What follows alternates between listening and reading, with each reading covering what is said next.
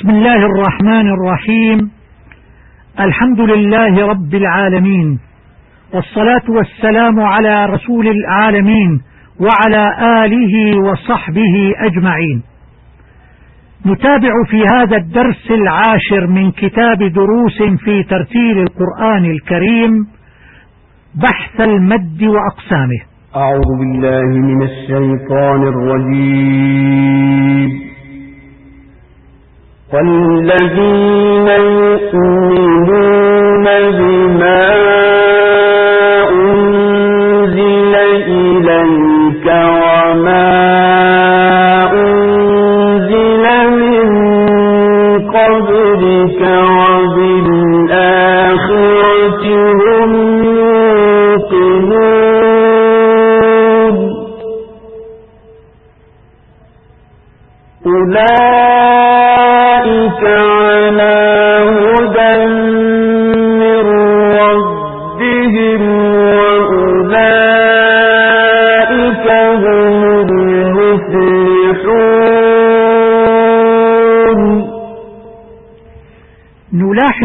في المصاحف الشريفة علامة عبارة عن ألف نائمة فوق حرف المد في بما أنزل وما أنزل. أولئك وهذا يدل على أن حرف المد فيها ينبغي أن نطيل مده عن الطبيعي الذي ذكرناه في الحلقة الماضية. وإذا لاحظنا الحرف الذي تلا المد فإننا نجده حرف الهمزة. فهذا أحد أقسام المد الفرعي وهو ما كان مده بسبب الهمز. والقسم الثاني ما كان مده بسبب السكون كما سترى في الدرس القادم. فالمد الفرعي ما زاد مده عن حركتين. ويكون له سبب من همز أو سكون. والمد بسبب الهمز إما أن يكون المد والهمز قد اجتمعا في كلمة واحدة كما في كلمة أولئك وكما في سيئت الملائكة تبوء ويسمى واجبا متصلا. أو يكون المد والهمز في كلمتين مثل بما أنزل قوا أنفسكم إني آمنت فيسمى جائزا منفصلا. فالمد الواجب المتصل سمي واجبا لإجماع القراء على وجوب مده زيادة عن الطبيعي. وسمي متصلا لأن المد والهمز اجتمعا في كلمة واحدة ومقدار مده أربع أو خمس حركات والمختار الأول أربع حركات. والجائز المنفصل سمي جائزا لاختلاف القراء فيه فبعضهم روى قصره وبعضهم أجاز المد والقصر. وسمي منفصلا لأن المد في كلمة والهمز في كلمة ثانية. ومقدار مده على رواية حفص عن عاصم من طريق الشاطبية أربع أو خمس حركات كالواجب المتصل والمختار أربع حركات.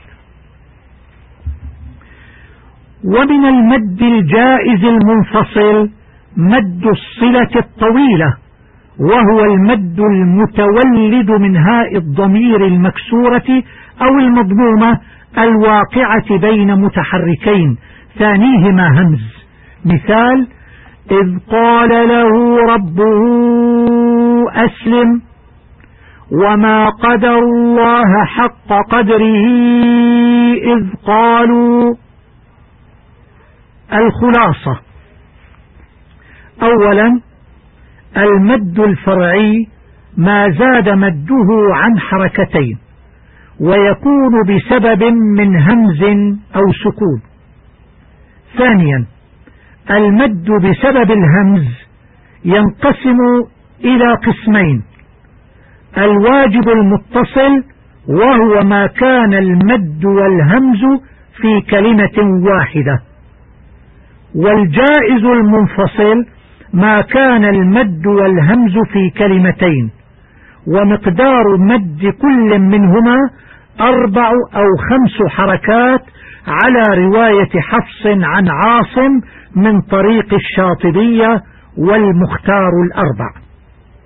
ثالثا ويلحق بالمد الجائز المنفصل مد الصلة الطويلة وهي هاء الضمير المضمومة أو المكسورة الواقعة بين متحركين ثانيهما همز. التدريب. إلى كم ينقسم مد الصلة؟ الجواب ينقسم مد الصلة إلى قسمين. مد الصلة القصيرة مثل إنه كان توابا. ومد الصلة الطويلة مثل فيومئذ لا يعذب عذابه أحد. السؤال الثاني لماذا سمي الواجب المتصل بهذا الاسم؟ الجواب سمي المد واجبا لأن القراء أجمعوا على وجوب مده أكثر من حركتين. وسمي متصلا لأن المد والهمز في كلمة واحدة. السؤال الثالث. لماذا سمي الجائز المنفصل بهذا الاسم؟ الجواب سمي المد جائزا لأن أكثر القراء على مده أكثر من حركتين بينما الباقون يمدونه حركتين فقط. وسمي منفصلا لأن المد في كلمة والهمز في كلمة ثانية. السؤال الرابع. ميز بين المدود في الآية الكريمة. آمن الرسول بما أنزل إليه من ربه والمؤمنون. كل آمن بالله وملائكته وكتبه ورسله. لا نفرق بين أحد من رسله. وقالوا سمعنا وأطعنا. غفرانك ربنا وإليك المصير. الجواب. آمن مد بدل على حركتين. الرسول مد طبيعي يمد حركتين. بما أنزل. مد جائز منفصل. يمد على أربع أو خمس حركات. من ربه والمؤمنون. مد صلة قصيرة. يمد على حركتين. والمؤمنون مد طبيعي عند الوصل ومقداره حركتان ومد عارض للسكون عند الوقف يمد على حركتين أو أربع أو ست حركات. كل آمن آمن مد بدل يمد على حركتين. بالله مد طبيعي. يمد على حركتين وملائكته مد واجب متصل يمد على أربع أو خمس حركات وهو مد واجب متصل. وملائكته وكتبه مد صلة قصيرة يمد على حركتين. وكتبه مد صلة قصيرة يمد على حركتين. ورسله لا نفرق مد صلة قصيرة يمد على حركتين. من رسله مد صلة قصيرة ويمد على حركتين. وقالوا مدان طبيعيان يمد كل منهما على حركتين. سمعنا مد طبيعي يمد على حركتين. وأطعنا مد طبيعي يمد على حركتين. غفرانك مد طبيعي يمد على حركتين. ربنا وإليك. مد طبيعي يمد على حركتين. المصير عند الوصل هو مد طبيعي يمد على حركتين وعند الوقف هو مد عارض للسكون يمد على حركتين أو أربع أو ست حركات كما سيمر معنا في الدرس القادم.